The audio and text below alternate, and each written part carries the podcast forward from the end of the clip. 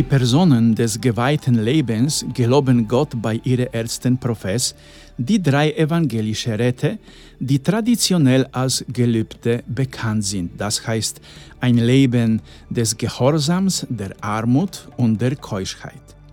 Die Ordensleute, der Kapuziner und Franziskaner, tragen die Zeichen dieser drei Gelübde in Form von drei Knoten auf einer weißen Kordel, mit der sie ihren Habit um die Hüften gürten. Von den drei Gelübden scheint den meisten Menschen das Gelübde der Keuschheit am schwierigsten einzuhalten zu sein, da es eine freiwillige Ablehnung der Ehe bedeutet.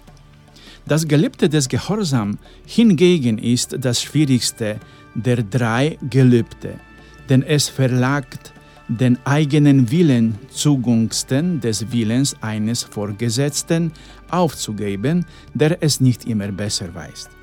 Und genau darum geht es bei der Selbstverleugnung, dem Tragen des Kreuzes und der Nachfolge Christi. Und was ist das Schwierigste am den universellen Gesetz des Evangeliums Jesu, das auf den Gesetz der Gottes- und Nächstenliebe berührt? Darüber sprechen wir in unserem heutigen Podcast. Ich lade Sie ein, mitzuhören.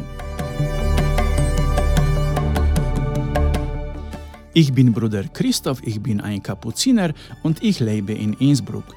Seit zwei Jahren veröffentliche ich unter dem Namen Ja mhm wöchentliche Podcasts, in denen ich über die Missionen spreche und über die Sonntagslesungen nachdenke. Jeden Samstag ab 12 Uhr findet ihr auf dem Server podbin.com einen neuen Podcast in bulgarischer, polnischer und deutscher Sprache. Sucht nach dem Podcast ja.podbin.com.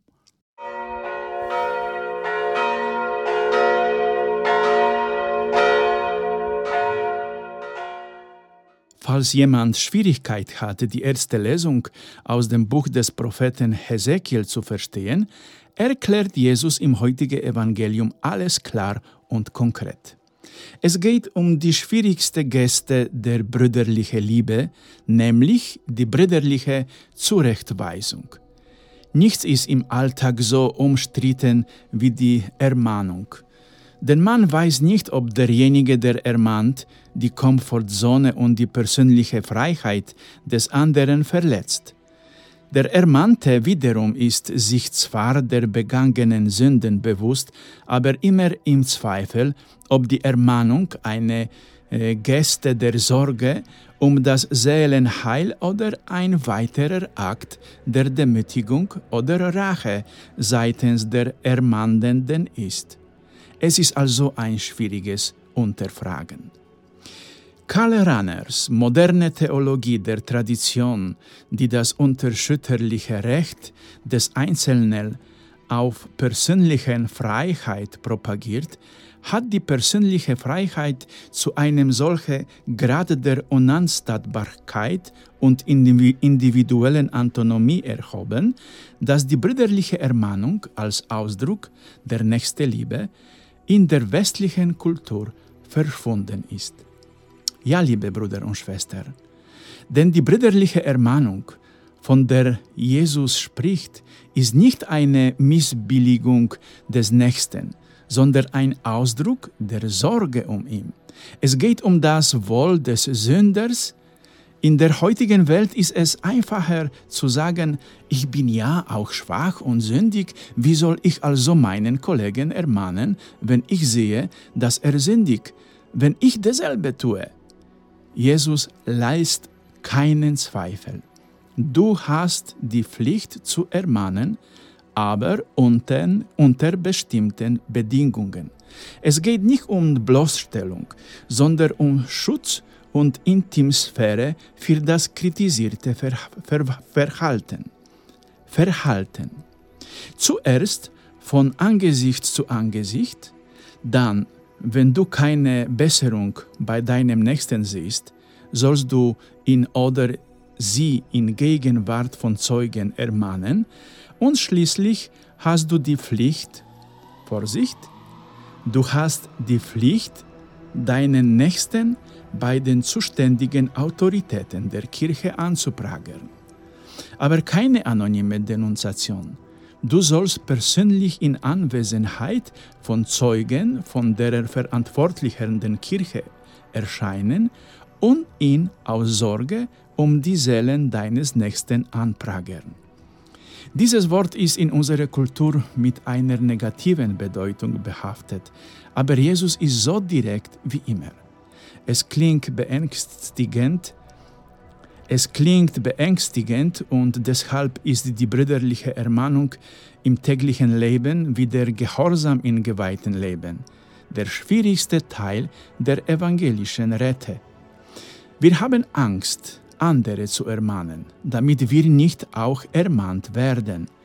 Um des heiligen Seelensfriedens willen schließen wir uns in unsere Komfortzone ein und erklären die Sünde unseres Nächsten als eine freiwillige Entscheidung der menschlichen Freiheit. Ein schöner Ausdruck, der die menschliche Sündhaftigkeit erklärt, nur dass sie aus der Hölle kommt. Kehren wir also zur ersten Lesung aus dem Prophet Hesekiel zurück, denn sie hilft uns, unsere Zweifel über den Sinn der Ermahnung unserer sündigen Nächsten zu beseitigen. Mache ich eine Interpretation. Gott sagt zu dem Prophet folgendes: wenn ein Sünder schwer sündigt und ich sage, dass er dafür sterben muss, und du, Hesekiel, wenn du nichts tust, um diese Menschen von Weg des Bösen abzubringen, dann ja, dann wird dieser Mensch wegen seiner Sünde sterben. Aber die Schuld an seinem Tod wird auf dich fallen, Hesekiel, weil du nichts getan hast, um diesen Mann von Weg des Bösen abzubringen und ihn zu retten. Wenn du andererseits alles tust, was du kannst, um eine solche Menschen auf den rechten Weg zu bringen, er aber auf seinen bösen Weg verharrt, wird auch dieser Mensch sterben, aber du wirst nicht die Schuld tragen, Hesekiel, du wirst deine Seele retten. Zusammenfassend, Brüder, wenn wir uns nicht darum kümmern, einen Menschen, der den Weg des Bösen folgt, wieder auf den rechten Weg zu bringen, dann fällt die Schuld für die Verurteilung dieses Menschen auch auf uns, unabhängig davon, zu welchen Lebensphilosophie wir uns bekennen. Und nach den Worten Gottes an Hesekiel werden auch wir nicht gerettet werden. Satan kennt unsere Schwächen, wenn es um die Ermahnung unseres Nächsten geht. Deshalb spricht der Teufel bei einem Exorzismus, das heißt der Austreibung eines bösen Geistes aus einem Menschen, als erstens die Sünden des Exorzisten laut aus, um ihn zu diskreditieren und zu schwächen. Deshalb kann nicht jeder Priester das Amt des Exorzisten ausüben, sondern nur diejenigen, die ein Leben der Askese und des Gebets führen. Um des Wohls unseres Glaubensgenossen willen sollen wir uns nicht schämen, die Sünder zu ermahnen.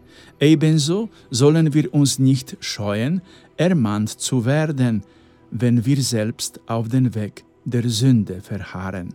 Denn es ist alles zu unseres Besten und zu unserem Heil. Amen.